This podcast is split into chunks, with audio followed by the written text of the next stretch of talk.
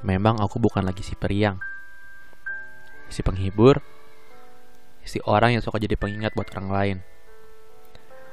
Jangan tanya kenapa aku berbeda sejak terakhir kali berjumpa. Jangan rindukan aku yang dulu kamu kenal.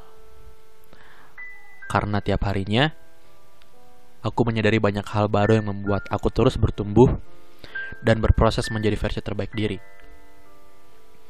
Maaf karena sempat menghilang. Maaf tidak sempat berbagi cerita. Terima kasih karena sudah mengkhawatirkanku. But I'm totally fine.